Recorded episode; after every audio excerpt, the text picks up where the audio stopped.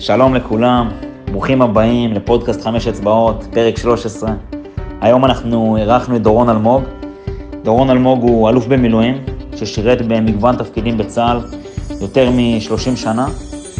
דורון הוא חתן פרס ישראל על הקמת אה, מוסדות אה, עלה, שבעצם אה, מהווים בית לאנשים הלוקים במוגבלות שכלית והתפתחותית.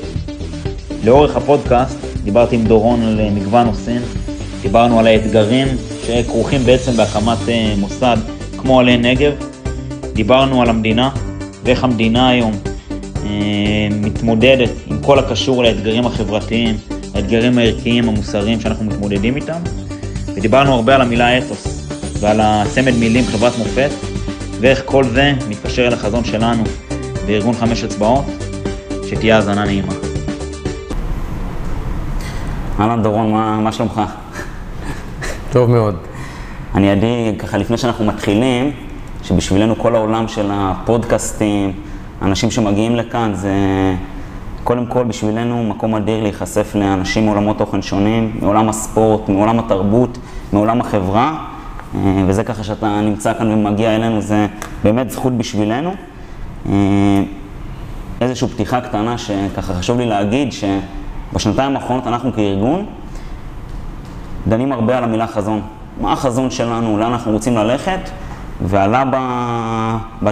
לאורך הפגישות והדברים שאנחנו עושים, הצמד מילים חברת מופת, זה צמד מילים שאנחנו פוגשים אותו המון ודנים עליו. ואני חייב להגיד ככה מהמקום שלי, שאני ממש עוקב אחריך בשנים האחרונות. זה צמד מילים שאתה מזכיר אותו המון, מהי חברת מופת ובדרך חיים שפה אתה פועל, וזה מאוד מתחבר גם לעשייה שלנו, למה שאנחנו היינו ככה רוצים לראות. והייתי שמח ככה שנתחיל באיזושהי פתיחה, שאתה באמת השתחררת ב-2003, אם אני לא טועה. כן. ואחרי שירות צבאי של כמעט 40 שנה, והייתי שמח שדרך השאלה של, אולי תנסה להסביר לצופים, מה אתה עושה היום? איך היית מגדיר את מה שאתה עושה ב, ביום-יום שלך? לספר קצת על עצמך, על הרקע שלך, על ההיסטוריה שלך. כל מה שאני עושה קשור לשני האיראנים שלי. אה, ערן אחי, שנהרג במלחמת יום כיפור ושכב אה, שבוע ימים בשטח, מדמם. אפשר היה להציל אותו. אם מישהו היה מגיע אליו ושם חוסם עורקים על רגל שמאל, יכול להיות שהוא היה איתנו. ערן אחי, כאב גדול, הוא ממשיך לדמם בתוכי, וגם באיזשהו מקום רגשי אשם שאני לא הייתי איתו, שלא חילצתי אותו. 11 שנים אחרי שערן אחי נהרג, נולד לנו ילד שנתנו לו את השם ערן. נולד עם פגיעה מוחית קשה, מעולם לא דיבר, מעולם לא קרא לי אבא, מעולם לא יצר קשר עין, ונפטר לפני 13 שנים, ושני האיראנים הם בעצם תמצית של העשייה שלי היום למען המוגבלים, נכים, פצועים, אנשים שאין להם יכולת לעשות שום דבר בכוחות עצמם.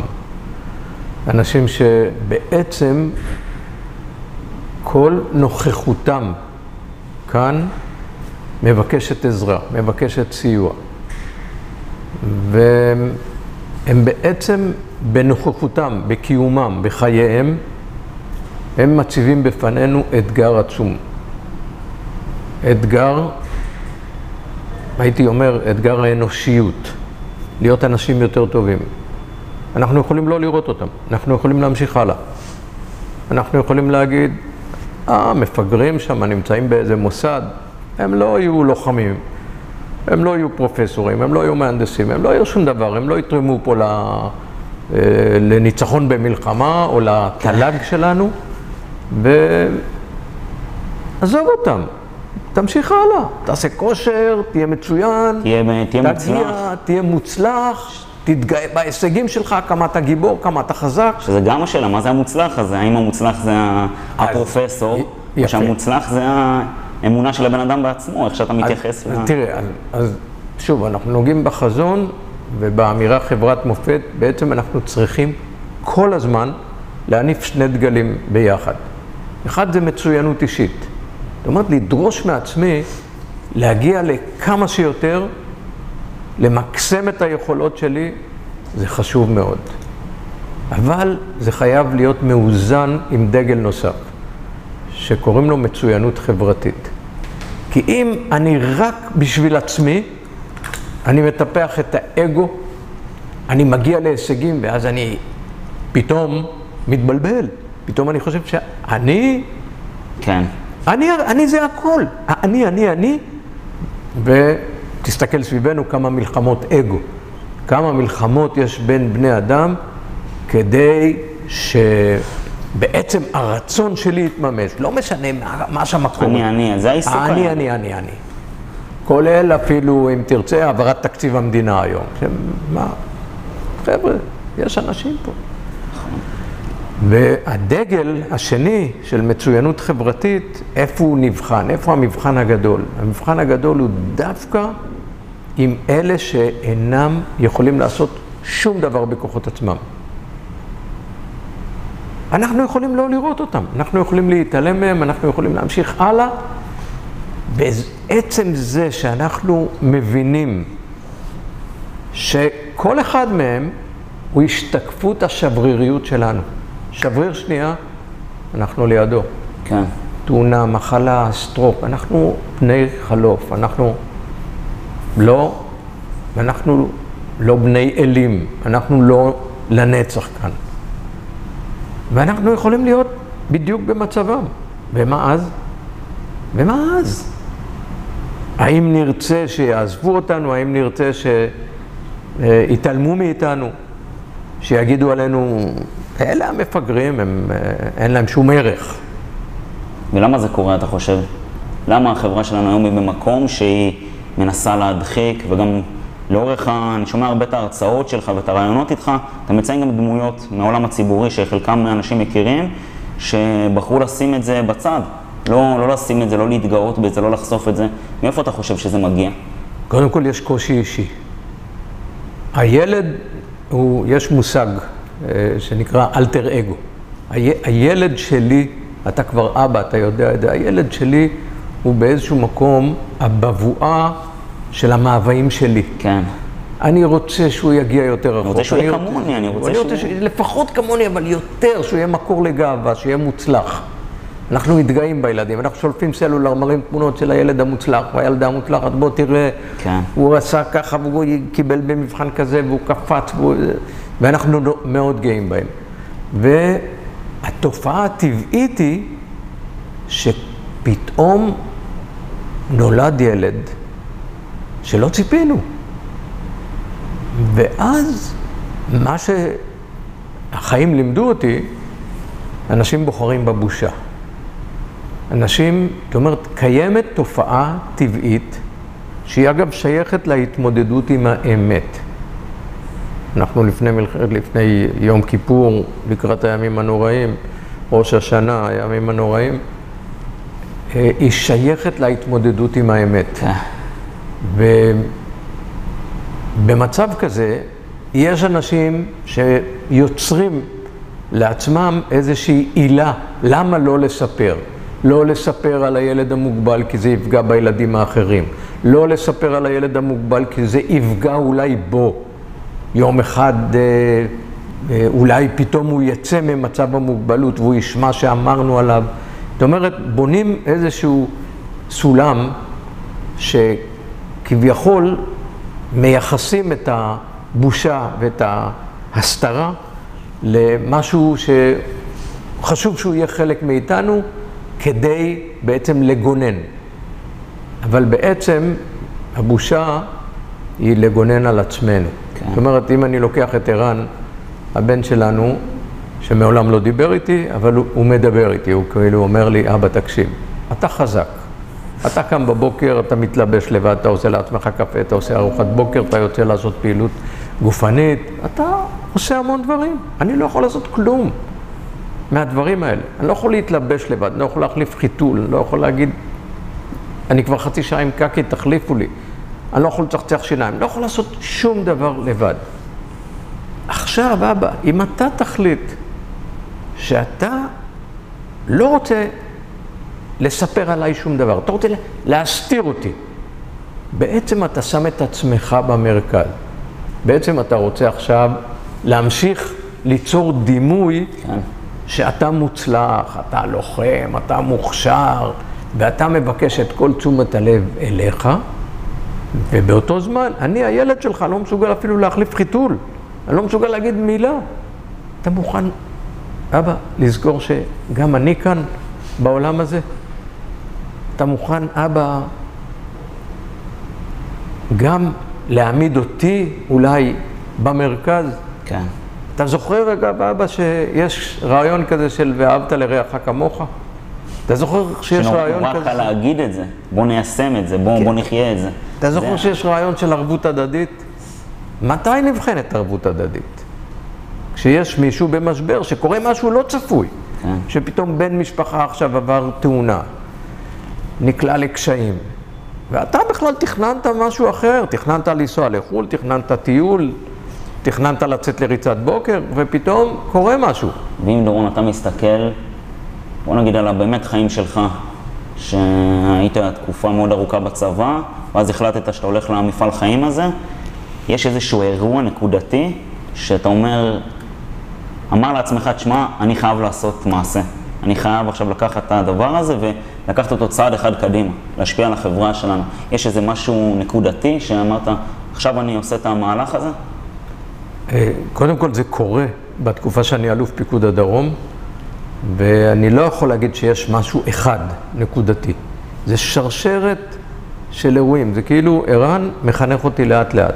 כל פעם עוד משהו, כל פעם עוד פרק. אתה, בכלל, החשיבה שלנו היא חשיבה מצרפית. כן. אתה, אתה יכול ללכת לישון עם רעיון אחד כאן, ואתה חושב שזה הדבר הנכון, אתה קם בבוקר, פתאום אתה חושב אחרת על הדברים.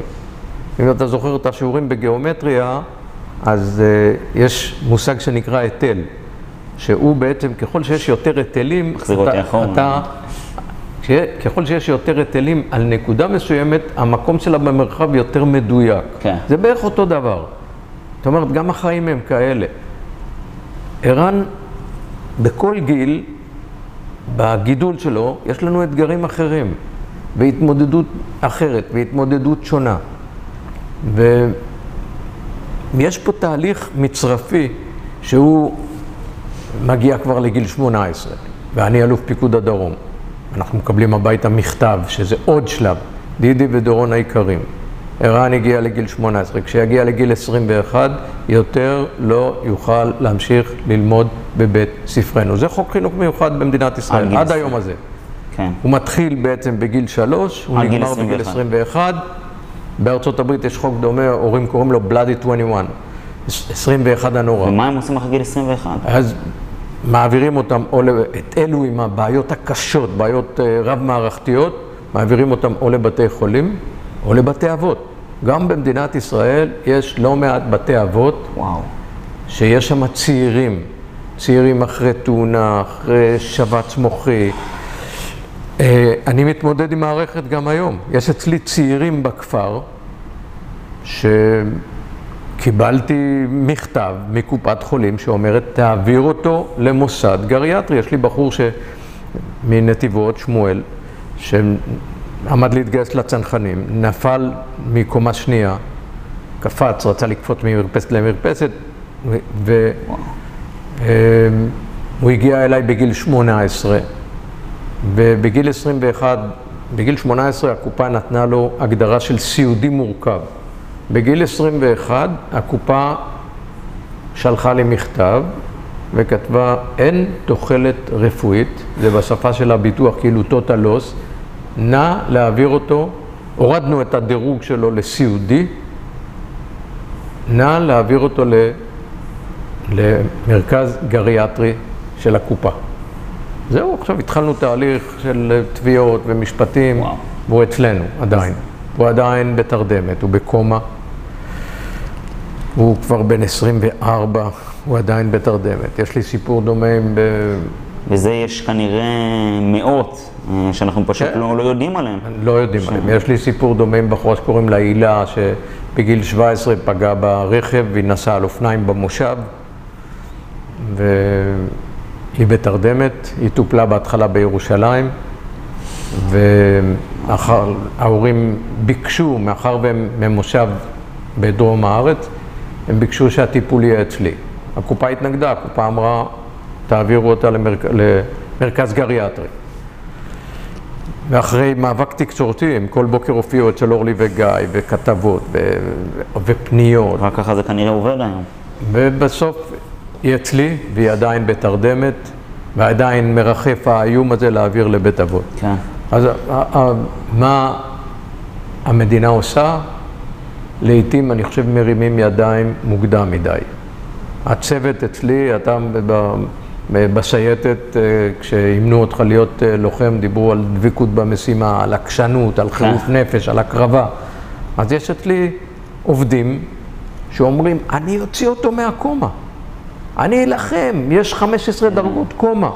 הוא הגיע אלינו בדרגה אחת, עכשיו הוא בדרגה שמונה, יש יותר פעילות עצבית, יש יותר פעילות אנחנו, שרירים, אנחנו מדברים על זה הרבה, שיש היום הרבה חיילים בצבא עם סיכות מאוד יפות וסיימו מסלולים וקורס קצינים. יש, לא, לא כולם הם לוחמים באופי. הרבה פעמים אתה יכול לראות אדם שהוא מתעסק בסיעוד, ואנחנו גם כשהיינו בעלי גדרה וראינו את ההתמודדות היומיומית שלהם, הם לוחמים אמיתיים. הם מתמודדים עם זה יום-יום, לא כחלק מחוק גיוס חובה. הוא בחר להתעסק בזה, וכמו שאתה אומר, זה... זה חישול. זה חישול אמיתי. אגב, אחד הדברים הכי מרתקים של בני נוער שבאים או לעבוד או להתנדב, זה קודם כל יש איזשהו הלם, ואחרי איזה 24 שעות, 48, אפרופו תהליך מצרפי שאני עברתי, כן.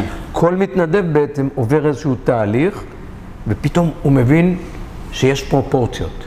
על מה אני התלוננתי פה? היה לי פתאום איזה, איזה קרע בשריר, איזה, איזה שבר קטן. אה, היה לי משהו, מה זה? זה כלום, זה כלום, זה תוך חודש, חודשיים, אני במקום אחר לגמרי. ומה איתם? פתאום אתה מקבל פרופורציות. פתאום אתה מבין גם שזה גם יכול לקרות לי, אני גם יכול להיות שם. כן. פתאום אתה מבין שזה בעצם מבחן גדול להיות איתם. פתאום אתה גם מבין שזה גם מחנך אותי.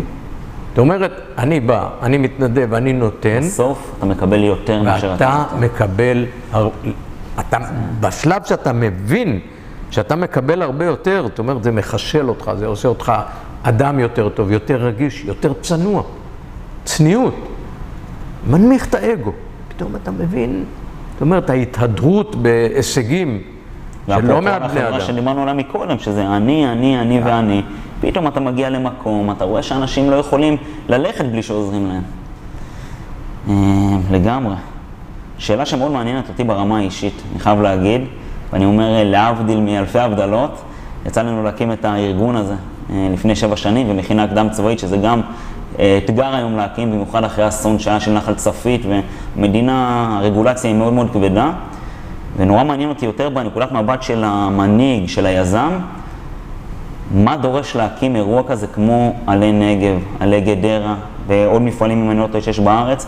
מה, מה זה דורש היום? כשאתה לוקח החלטה כזאת, אתה אומר, יש לי את ה vision שלי, כנראה היה לך את החזון, את המטרה, ככה אני רואה את המקום הזה בעוד איקס שנים. מה זה דורש? מה, מה האתגרים שמלווים אותך בסיפור הזה? אתה יודע, זה, זה מדהים כמה מקבילה יש למה שביקשת לשאול כרגע, לשירות הצבאי. א', זה דורש אמונה. אם אתה לא מאמין בזה שזה חשוב, אז אתה לא תוכל. אתה רוצה לשנות את העולם. זה לא מספיק, זה לא מספיק. כן, זה לא משהו על הדרך. היה שעתיים בשבוע, שיעור מוזיקה, אני אבוא, נלך הלאה. לא, לא, לא. אומרת, אם אתה מאמין שכן, אתה רוצה לשנות את העולם, אתה צריך מסירות ומחויבות טוטאלית. דרור, אתה עשית את זה. כשהלכת להקים את חמש אצבעות, אתה עשית את זה. היה לך בפנים משהו שקוראים לו אמונה, שהבנת שזה חשוב. זה יותר חשוב מהמון דברים אחרים. אתה יכול ללכת לביזנס, אתה יכול לחשוב על איזה אקזיט, פתאום הבנת ש... יש איזושהי תכלית. יש, יש איזושהי כאן. תכלית ענקית שהיא יותר חשובה מכל דבר אחר, שהיא נוגעת בחינוך בני אדם, בחינוך חברה. והיא היא אתגרית, יותר קשה מהכל. אנחנו רואים היום את החברה במדינת ישראל עם קרעים, עם פיצול, עם כן.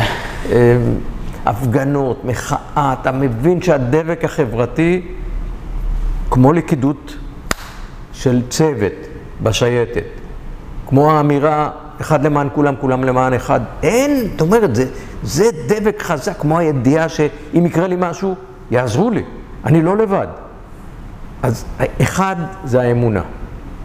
האמונה בצדקת הרעיון, האמונה בחשיבות הרעיון. אם אין לך את האמונה הזאת, אתה לא תוכל לשכנע אחרים. ואיך אתה רותם אנשים? אתה לא יכול לעשות את זה לבד. נכון. אתה חייב לרתום אנשים לסיפור הזה. מדבר. למה אני פה? מדבר. מסביר, מספר. את כל מה שדיברנו עד עכשיו, מנסה לספר עוד פעם ועוד פעם ועוד פעם לבני נוער, כדי, א', לתת להם ידע, מושג, פרספקטיבה, עוד היטל על הנקודה הזאת שנמצאת שם, על החזון הזה כן. של למען אנשים עם מוגבלויות. לדבר. עוד דבר שמנהיג צריך. למשה רבנו לא היה את זה, הוא גמגם. כן, היכולת להעביר את. המסר. אתה צריך בסוף אה, לתת אותו. אז הדוגמה האישית, הדבר החשוב ביותר, החשוב ביותר במנהיגות, זה המופת האישי, זה ממני תראו וכן תעשו. זאת אומרת, זה לא מספיק, אתה יכול להיות דברן מעולה. זה הסיפור. אתה יכול להיות אה, בעל כושר ביטוי מדהים. אבל אם אנשים... אתה לא עושה את זה, אחד לא... בפה, אחד בלב, כן, אם אנשים... אנשים, אתה דיברת על אותנטיות, מזהים את זה. אתה יכול להיות מגמגם, אבל אתה אותנטי, אנשים יודעים שאתה בלב ובנפש, אתה איתם, אתה מאמין בזה. אתה איתם, אתה לא תגיד להם עכשיו, תעשו את זה ואתה הולך למקום אחר, ש, שמשדר להם את הדבר ההפוך. לא. אז אני אומר, אחד זה האמונה, הנחישות, הרציפות, אתה חייב להמשיך, הדוגמה האישית. כל הזמן, כל הזמן, 24, 7 שבתות, חגים, וכמו שהקורונה באה אלינו, לא הזמנו אותה, מבחנים קורים בחיים. קורים אירועים. עכשיו, בכל מבחן, זה יכול להיות שזה לא מתאים, תכננת משהו אחר. ועכשיו פתאום קרה משהו. עכשיו אתה צריך מהר להחליט, מה אני עושה עכשיו? אני עושה את זה או אני עושה את זה? סדר עדיפות, מה יותר חשוב? מה תואם את הערכים? מה נגד הערכים? מה זה אומר עליי אם אני בוחר לצאת, לעזוב, ללכת עכשיו ל- ל- לעשות ריצה כשמישהו צריך אותי, עכשיו. הוא יתקשר עכשיו, עכשיו הוא צריך, עכשיו אני צריך לשנות. כן. או להישאר עם הילד בבית. מה אני עושה עכשיו? זאת אומרת, החיים במרחב של קונפליקטים, מרחב של מבחנים תמידיים, ומחייבים אותך כל הזמן, זה בעצם עימות עם החזון, עימות עם הדברים שאתה מאמין בהם, כל הזמן. והדבר הבא זה עבודת צוות. שזה יפה. אתה את לא יכול לעשות לבד. את מי אתה לוקח לשותפים לדרך? כן, קודם ש- כל את אלה שאתה מזהה אצלהם את האמונה ב- בעניין. יכול להיות שיש כאלה שזה לא מדבר אליהם, הם רוצים משהו אחר.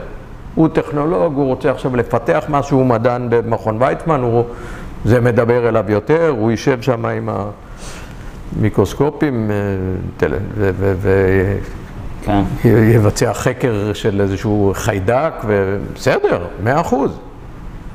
אגב, אני מאלו שחושבים שעשייה חברתית צריכה ללוות מגוון גדול ככל האפשר של אנשים. אני מאלו שחושבים שצריך לחנך, דיברתי איתך על השני דגלים, כן. מצוינות אישית, מצוינות חברתית, להתחיל כבר מכיתה א' בהתנדבות.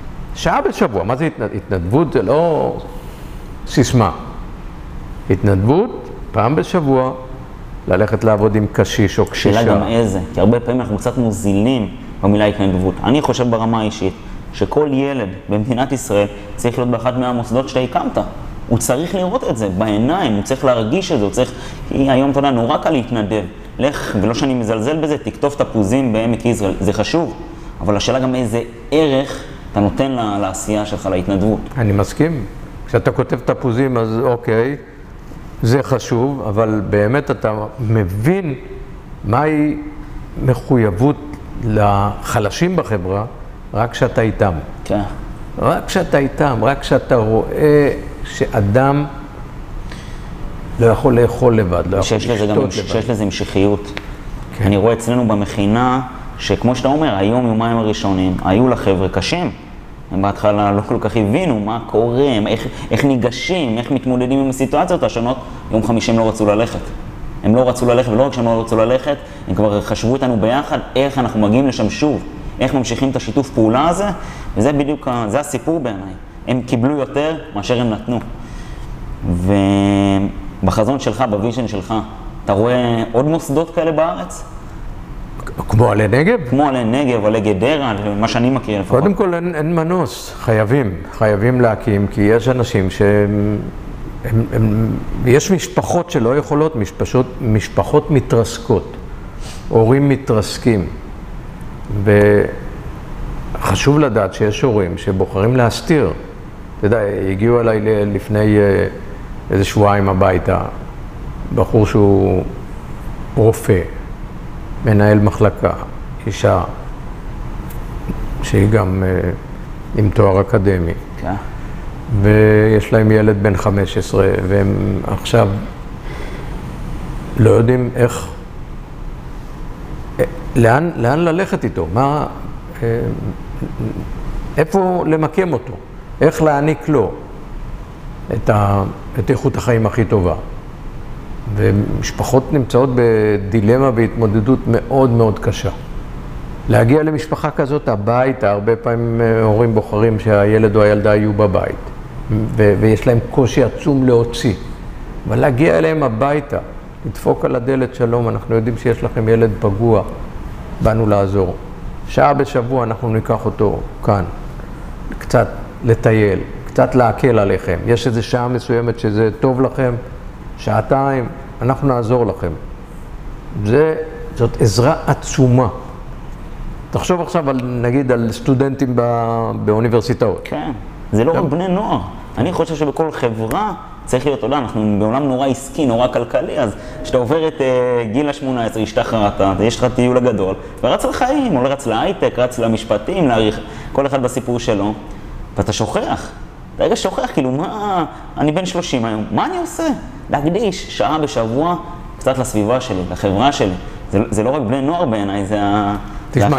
יש לי, יש לי ידיד אה, שהוא היה אלוף משנה בחטיבת המחקר באמ"ן, שמואל לימונה, אה, עבר אירוע מוחי, הוא היום בכיסא גלגלים, הוא בבית. ויום אחד אני מקבל ממנו מייל, והוא כותב לי שהוא עבר אירוע והוא מבקש שאני אבוא לבקר, באתי לבקר, וכשבאתי לבקר, אני רואה שהוא בכלל לא יכול לדבר. הוא לא מדבר. עכשיו, הוא לא, הוא לא, הוא לא, הוא לא מדבר, הוא גם לא יכול לכתוב. הוא בכיסא גלגלים. וואו. כמו הוקינג.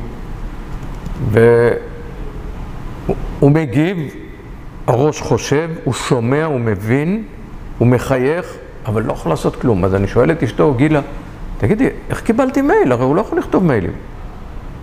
אז היא אומרת, מגיעה לפה סטודנטית מאוניברסיטת תל אביב. מדהים. מגיעה יום בשבוע, אני מתרגמת, אני מבינה את ה... הוא, הוא מצליח אה, לה, להעביר לה את המאוויים שלו, היא מתרגמת את זה, היא מדברת, והסטודנטית כותבת. ושולחת מיילים למי שהוא רוצה. מדהים. עכשיו תחשוב על הסטודנטית מדהים. הזאת, כמה זה חשוב. אנחנו אומרים על אוניברסיטאות, מגדל שן. מגדל שן, אם אתה בא ללמוד, ואתה אומר, עזוב, אני עכשיו אני רוצה לגמור תואר ראשון, תואר שני, תואר שלישי, ביזנס, עסקים, אני במרכז. או שאולי אני מפנה מקום, שעתיים בשבוע, שלוש, שלוש שעות בשבוע אני עוזב, אני הולך לתת מהזמן שלי למישהו שצריך. ואז מגדל השן יכול להיות מגדלור חברתי. אם כל אחד, כל סטודנט, ייקח קצת מהזמן שלו לעזור למישהו שצריך, וזה בסביבה שלנו. אין ספק. אין ספק. ואתה חתן פרס ישראל, כמו שהקהל אה, יודע, ושזה בעיניי אולי לפחות התואר הכי מכובד שבן אדם יכול לקבל גם על אה, מפעל חיים. וראיתי גם את הטקס לפני שהגעת לכאן, ראיתי גם את הנאום, ועלתה לי איזושהי מחשבה בראש, גם אם אני לא טועה, כחלק מה... אה, זהו, מקבלי הפרס שהיו, היה גם הרב אלי סדן, שאני מכיר אותו מעולם המכינות הקדם צבאיות, ואני שואל את עצמי שאלה, האם במדינה אה, מתוקנת, מדינה שבה גורמי שלטון חיים את החברה וחיים את המוסר, האם צריכים אנשים כמו הרב אליסדן, כמו דורון אלמוג, אנשים שבמרכאות מציבים את החברה, נותנים איזשהו מענה, איזשהו חלל שנוצר, ואומרים, אני עכשיו הולך להתאבד על האירוע הזה, ואם אף אחד לא מתייחס לחלשים בחברה, זה, זה המפעל חיים שלי. האם במקום אה, מתוקן... חייבים. אין חברה, שום חברה, לא יכולה להגיע להישגים רק על ידי אה, הנחיה מלמעלה, top down. לא יכול, אין דבר כזה. לא בשייטת, לא בסיירת מטכ"ל, לא בגוגל, לא במייקרוסופט ולא במדינה כמו מדינת ישראל. זאת אומרת, אה, אם אתה תבנה רק על top down, שכאילו למעלה יש חכמים והם יגידו לך מה לעשות, אתה מאבד בעצם את הדבר הכי חשוב שחייב להיות אצלנו. זה היזמות האישית והחברתית והערבות ההדדית. ערבות הדדית זה לא עולה, אתה יודע, עברתי בחיי מלא משברים ומלחמות ומצבים קשים. אני לא זוכר אפילו פעם אחת שתוך כדי מבצע, מלחמה, אובדן, חשבתי על ראש הממשלה, או על השרים, או על חברי כנסת. זאת אומרת, מי שנתן לי את ההשראה והכוח זה אלה שהיו איתי. כן. ובני המשפחה, והקרובים ביותר. הרוח, הרוח הר... של ה... והרוח, כן, הרוח זה מי שנמצא לידך, שנותן לך דוגמה אישית. שהוא איתך, הוא איתך. הוא לא זרק איזה משפט שם, מישהו זרק איזה משפט ועכשיו אתה עכשיו צריך uh, לבצע משהו. ואתה חושב שהאיזון הזה, בוא נגיד בין מה שהמדינה אה, מתייחסת אליו אה, בכל הנושא החברתי, לבין היזמות האישית של ה- מה שאתה קורא לו מלמטה, של האנשים שיוזמים בסוף אה, אישיות כמוך, אתה חושב שזה איזון שהוא נכון במדינה שלנו? קודם כל, הרבה יותר מכל מדינה אחרת. הרבה יותר. וואו. הרבה יותר מכל מדינה אחרת. זה מפתיע לשמוע, אני לפחות הרבה יותר מכל מדינה אחרת. זה, ה, ככל שאתה יותר גבוה בהיררכיה, אם, זה, אם אתה בממשלה, ביחידה צבאית, אז התפקיד שלך, בין השאר, הוא לתכנן וליצור תנאים, ולתמרץ ולדרבן. אתה יכול לתמרץ באמצעות כסף, להגיד, אוקיי, מאצ'ינג, אני אתן לכם חצי, אתם תביאו חצי. כן. כשאתה אומר מאצ'ינג, אתה יוצר איזשהו תמריץ. כשאתה יוצר תנאים, ככה אתה גם פעלת? מה? ככה גם אתה פעלת, שהתחלת את זה? עם המצ'ינג הזה, אני נותן כן, משהו. בטח. עלי הנגב זה מאצ'ינג. בטח. כל, ה... כל הכספים שהבאנו בהתחלה זה מאצ'ינג. יצרנו נוסחה של מאצ'ינג. כן. המדינה אמרה, אנחנו נהיה מוכנים בתנאי שתביאו חצי, לפחות חצי, לפיתוח. עכשיו, אתה חושב על זה, רגע, לבן שלי אין מקום לחיות אחרי גיל 21. אין מקום, אתה חושב, הבן שלך, אין לו, אין לו בית ספר. המדינה כאילו אומרת, לך תקים בית ספר. ואנחנו שותפים. אנחנו המדינה, חצי חצי. אתה חצי אתה. אתה אומר, מה? רגע, איפה הצ... מה זה? המדינה הענקית שלי, החזקה, ואני הפצפון. עכשיו, אנחנו חצי חצי? אז אתה יכול להגיד, מה זה הדבר הזה? זה חוסר צדק. עכשיו, אני רוצה להגיד לך, במדינות אירופה, אני הייתי בדנמרק, בשוודיה, ב... מה קורה במדינות אחרות? מה קורה שמה? שמה, גרמניה. שמה, הם יודעים שהמדינה עושה הכל. אז אין התנדבות. גם אחרי גיל 21, הם, המדינה עושה הכל. אז אין התנדבות, אין הירתמות, ואז אין לך את הרוח שדיברת עליה. אין את היוזמה מלמטה של אין האנשים את היוזמה שמביאים את זה. מלמטה. זאת אומרת, זה גם במובן מסוים זה גם הכרחי. צריך שזה יגיע. אתה חייב יוזמה מלמטה. ככל שיש יותר יזמות מלמטה, החברה יותר חזקה. זאת אומרת, עכשיו החיבור הזה בין ה-bottom up ו-top down, החיבור הזה הוא חיבור חיוני כדי ליצור חברה חזקה, ליצור מדינה חזקה. ושתהיה הבנה, שתהיה באמת המרצה מלמעלה, חקיקה, תקנות נכונות, חלוקת משאבים שמדרבנת, אבל עידוד יזמות מלמטה. בין השאר קשור גם בחופש פעולה ובחופש דיבור. יש מדינות שאתה תשמיע שם, אצל פה, אה, מדינות טוטליטריות פה, תשמיע בסוריה משהו אה, שהוא לא נעים לאוזני השליט, כן. אתה, אה, יכול, אתה עשרה מטר מתחת לאדמה, דקות. ודרך אגב, עוד משהו שעולה לי עכשיו, שבנאום בפרס ישראל, אז הזכרת את המילה אתוס. מה מבחינתך האתוס, משהו שהיית רוצה לראות ברמה החברתית וגם ברמה האישית? כאילו, מה, מה היית רוצה שזה יהיה האתוס של החברה שלנו? האתוס, המטאפורה של האתוס זה לא משאירים פצועים בשטח. הפצוע... החלשים בחברה.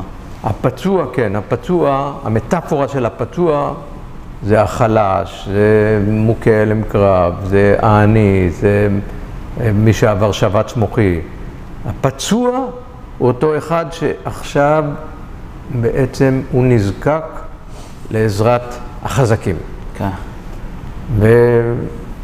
וזה אתוס, כן? זה אתוס של, שבסופו של דבר אומר שהחזקים, כשהם יודעים שהם חזקים ושהם באמת חזקים, נותנים יותר. כן. נותנים שמוטלת עליהם גם חובה מוסרית.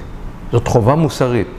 כשאתה מתגייס לצה"ל ואתה נשבע, אהיה מוכן להקריב את חיי להגנת מדינת ישראל, בסדר, זה אוקיי. אתה אומר, כן, אני הולך ליחידה לוחמת ואני נשבע. זה לא עניין טכני, זאת מחויבות. אתה לוקח על עצמך עכשיו משהו כבד שאומר, אני התקבלתי לשייטת, אני עברתי מבדקים, אני עובר תהליך הכשרה, סומכים עליי. למרות שהיום הוא אתגר הוא קצת אחרת. אתה יודע, אני רואה את, ה... את הדור שלי, זה דור שונה מהדור שלכם, לצערי. אני אתן את הדוגמה באמת מדברים שאני שומע מההרצאות שלך, שאתה ביום כיפור היית מ"פ, ונלחמת בסיני אם אני לא טועה, ומתן וילני שם אחד הצנחנים, אז הוא רצה שאתה תיקח, תיקח את הפיקוד על סיירת צנחנים, לאחר מכן. ואז אתה אמרת לו שיש פה מורכבות, כי אני, אני אח שכול, ואתה הזמנת אותו לדבר עם ההורים שלך. לא, כי הוא לא רצה, אני רציתי. הוא, אמ- הוא אמר, הוא אני, לא רצה. אני, הוא, הוא אמר, אני חושש לתת לך, כי אתה בן למשפחה שכולה. כן. אמרתי לו, לך תדבר עם ההורים. נכון, ואז אה, אתה מספר את זה שהוא מדבר עם אה, אבא שלך, כן. ואבא שלך אומר לו משהו מאוד מאוד, שבעיניי, אני לא יודע אם אומרים דברים כאלה היום, הוא אומר, אם כל משפחה שכולה במדינת ישראל תגיד, that's it, כאן אנחנו עוצרים, איפה נהיה? עכשיו, אני יכול להגיד לך מהמקום שלי, שאני כבר, בוא נגיד, הנושא הזה של חינוך הוא בוער בי בשש שנים האחרונות. ועיקר האוכלוסייה שחמש אצבעות גם נוגעת בה בשלב הזה, זו אוכלוסייה חילונית. ויש כאן משבר זהות מאוד מאוד גדול, ברמת השורשיות, ההכרה עם העבר שלך. המניע היום של גיוס הצבא הוא מניע מאוד אישי. הוא מניע של הגשמה עצמית, של איך זה ישרת אותי בהמשך, מניע נרקסיסטי, וזה שונה מהתקופה שלכם.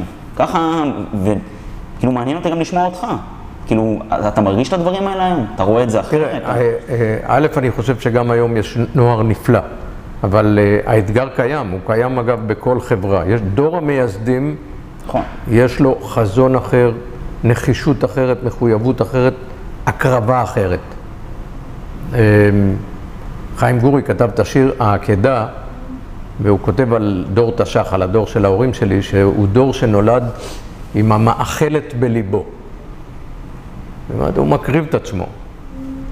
והדור שלנו, הדור שלכם, מרגיש שכבר יש פה מדינה חזקה, מבוססת. עכשיו אני הולך לעשות לביתי. עכשיו, אה, אסור לנו. אסור לנו, זה לנו... זה האתגר. מה שאני, אני מסכים איתך. אני אומר, אה, אסור לנו קודם כל אנחנו צריכים לראות בפריבילגיה בזה שנבחרנו. ואנחנו חייבים להבין שיש עם יהודי אחד, הוא קטן העם הזה. אנחנו היום אולי 15 מיליון, פה בקושי 8 מיליון. עדיין יש קרוב ל-5 מיליון בארצות הברית. ו... אנחנו עם קטן, היינו 18 לפני מלחמת העולם השנייה, נרצחו שישה. יש עלינו אחריות עצומה, אנחנו הבית השלישי. שני בתים כבר הוחרבו. למה? בגלל שנאת חינם. עכשיו, יש עלינו אחריות עצומה, והאחריות העצומה הזאת מחייבת אותנו למצוינות חברתית. מחייבת אותנו בסופו של דבר גם לסוג של הקרבה. נכון. אני אומר לך שאני מסתכל על זה מהמקום שלי היום, ונשמע אולי קצת ציני, אבל אני חושב שלדור שלכם, מסתכל גם על ההורים שלי, עליך, זה היה הרבה יותר ברור לכם למה. כי אתם הרגשתם את זה, אתה היית פה ביום כיפור. לא משנה כמה שגבי ואני נרצה להרגיש את זה, אנחנו לא באמת מבינים מה זה שיש מעלינו סכנה אמיתית. והיה לכם יותר קל, נקרא לזה, לחיות את זה, להבין את האתוס של המדינה, של ה... כמו שאתה אומר, אנחנו פה בבית השלישי. אבל הסכנה, תראה, הסכנה היא לא רק סכנה של השמד במלחמה או פצצה גרעינית. כן, יש גם סכנה של מלחמה. אבל יש גם סכנה של אובדן יהודים, מכיוון שיש התבוללות, מכיוון שהם הולכים לדרך אחרת. זאת אומרת, אמרתי פה יש איזה שמונה מיליון, אז יש לך עוד, עוד בעולם עוד איזה שישה, שבעה מיליון יהודים בעולם, שחלק מהם בכלל לא מרגישים קשר. עכשיו, יש פה אתגר עצום לחבר אותם. דרור, ת, ת, תחליטו שלחמש אצבעות אתם לוקחים גם אחד, אולי שניים, מניו ג'רסי. או מסן פרנסיסקו, כן. בנים של יהודים, ת, תהיו איתם בקשר כבר מגיל 13 אולי, מהבר מצווה, תתחילו איתם קשר קודם, ושיבוא אחד. יש כאלה שמת, שמגיעים גם לצה"ל, לשרת בצה"ל, ואחר כך חוזרים, אבל מי שמגיע לכאן, מבני היהודים, בני ובנות היהודים שנולדו נולדו שם, בגולה, מגיע לכאן ו... אנחנו יוצקים בו את האהבה למדינת ישראל ואת המחויבות הזאת, עשינו דבר גדול. כן. זה חלק מהצלת העם היהודי. להפוך אותו לעם יותר גדול. וצריך, אני אומר, יש פה לא מעט אתגרים, אבל דיברת על הזהות, כן, הזהות היהודית הזאת, החובה שלנו כחלק מהעם היהודי, גם להרגיש גאווה, אני שייך לעם קטן מספרית, אבל גדול. תחושת שייכות. ובמה הוא גדול? הוא גדול בערבות ההדדית, הוא גדול באהבת אדם, שם הוא צריך להיות גדול. זה בעיניי הסיפור היום, כי הסכנות שאתה מדבר עליהן, אני מסתכל על הסכנה, אולי בראש סדר עדיפויות, זה סכנה ערכית. זו סכנה שהיא, מתי היא מגיעה? לנו, לדור שלי, יש הרבה מאוד זמן להתעסק בעצמו.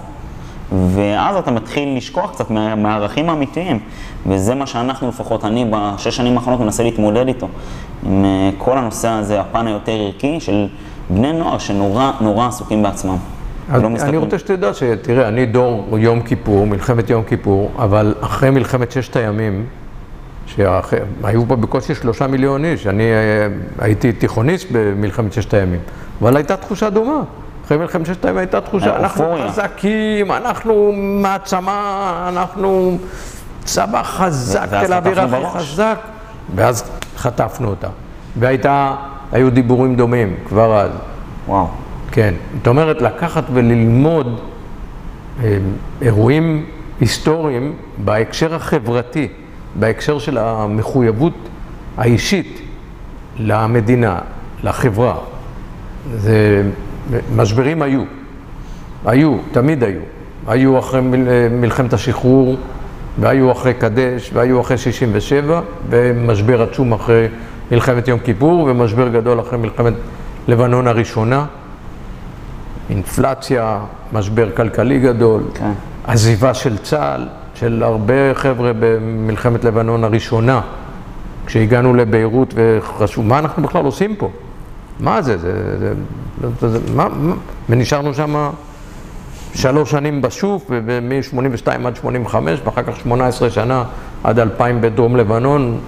כבר אתה מכיר חלק מהחברים ששירתו שם בדרום לבנון, ובכלל לא הרגישו אה, מחויבות או זהות עם המשימה. למה בכלל אנחנו נמצאים פה? אגב, התקופה המאוד קשה הייתה אחרי שראש הממשלה ברק הכריז על זה שאנחנו נצא, והייתה כמעט, כמעט חצי שנה, וחבר'ה שישבו שם בבופור ודלת, ו... מה, מה עכשיו? בשביל מה, אנחנו, בשביל מה אני יוצא עכשיו למערב, לסיור, לפתיחת ציר? בשביל מה, מה, עוד מעט יוצאים פה, בשביל מה? בשביל מה נהרגים? בשביל מה ובשביל מי? בעיה שעוד פעם מחייבת את האמת, לתת דין וחשבון יסודי, אמיתי, בקשיים מנהיגותיים מאוד לא פשוטים. אני אומר את הסוגיה שאתה מעלה של אה, זהות, זהות והזדהות. ההזדהות זה שאני מזדהה עם המשימה, מזדהה עם, עם המשימות, מזדהה עם, עם האתגר שמטילים עליי. כי אם אני לא מזדהה, אני לא רוצה להיות, אני מרגיש מנוכר, אני מרגיש, מה, מה נתנו לי, מה, זה בכלל, זה לא שלי, לא רוצה להיות כאן, אני לא חלק מזה, אני לא מאמין בדרך הזאת, אני לא מאמין בערכים האלה, יש פה שקר, יש פה דו-פרצופיות, יש פה פרצופ... דו-פרצופיות. כן. וזה אתגר עצום, אז גם היום, כן, יש אתגר של, שלכם, של ליצור גם את הזהות, אני חלק מהעם היהודי, אני לא בורח. תמיד, אגב, היו כאלה ששינו את השם. זה בסוף גם מה שנותן את המשמעות. וגם את ההזדהות. כן, שאני מרגיש שייך למשהו, משהו שהוא קצת יותר גדול ממני. אה, ואם אני שואל אותך ככה על החלום שלך, יותר ברמה החברתית, מה היית רוצה לראות כאן? עוד 20, אה, 30 שנה, עם כל המפעל חיים הזה, מה, מה אתה צריך מבחינתך, איזה חלום, אה, זה החלום הוורוד שלי, ככה אני... שיש רגישות הרבה יותר גדולה למקום של החלש בחברה. שיש יותר צניעות ויותר נתינה.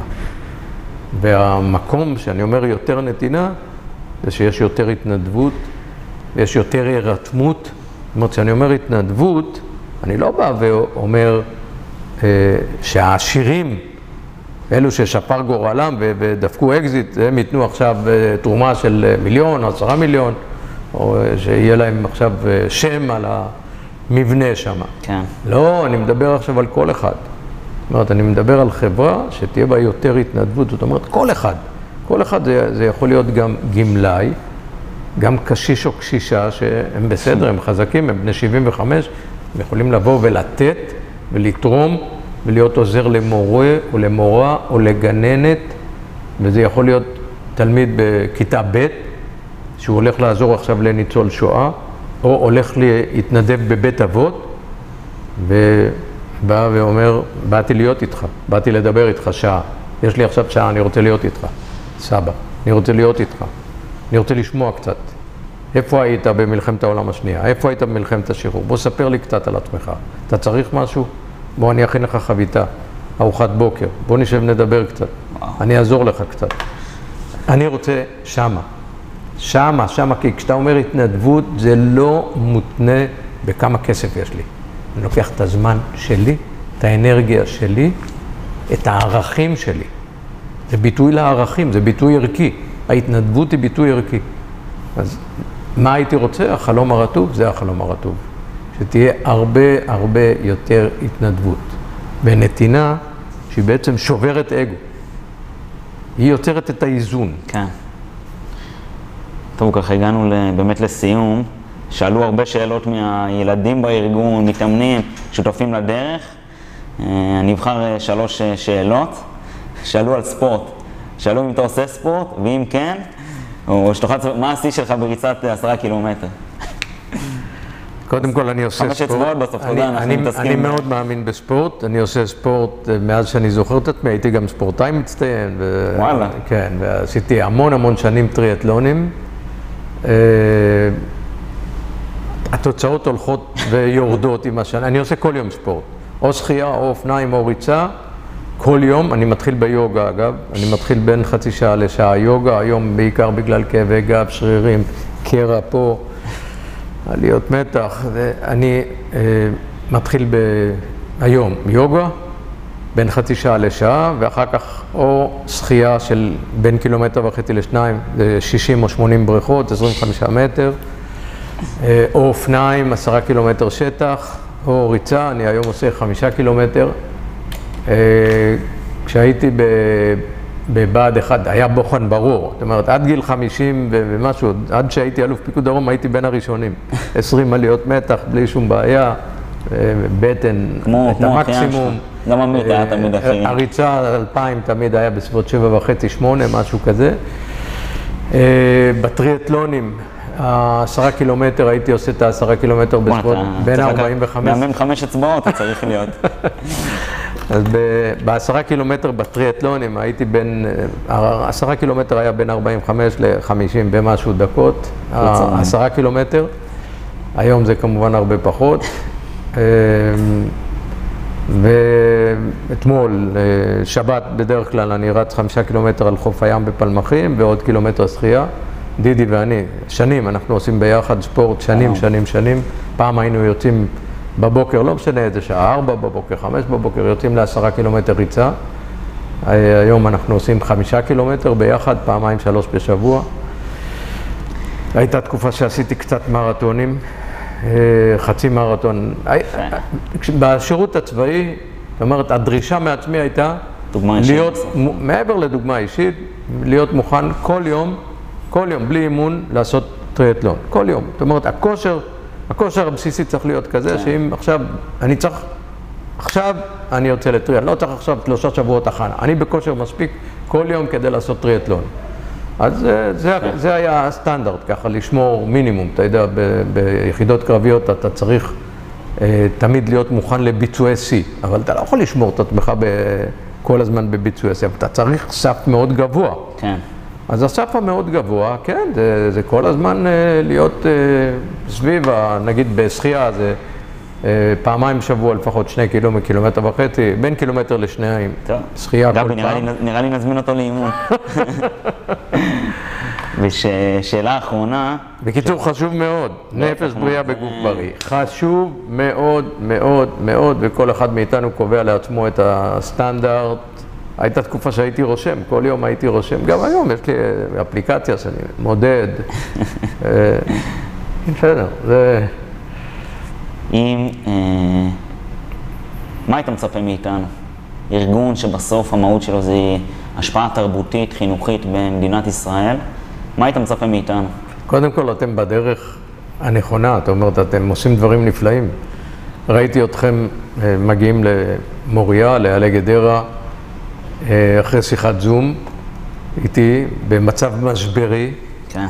מעכשיו לעכשיו, שבאמת כמות החולים, היית, בסוף היו שם 27 חולים בגדרה, שבעה עובדים ועוד 20 דיירים, ואתם הגעתם, אתם הרמתם את האתגר, באתם, התנדבתם, אה, שזה יוצא מן הכלל.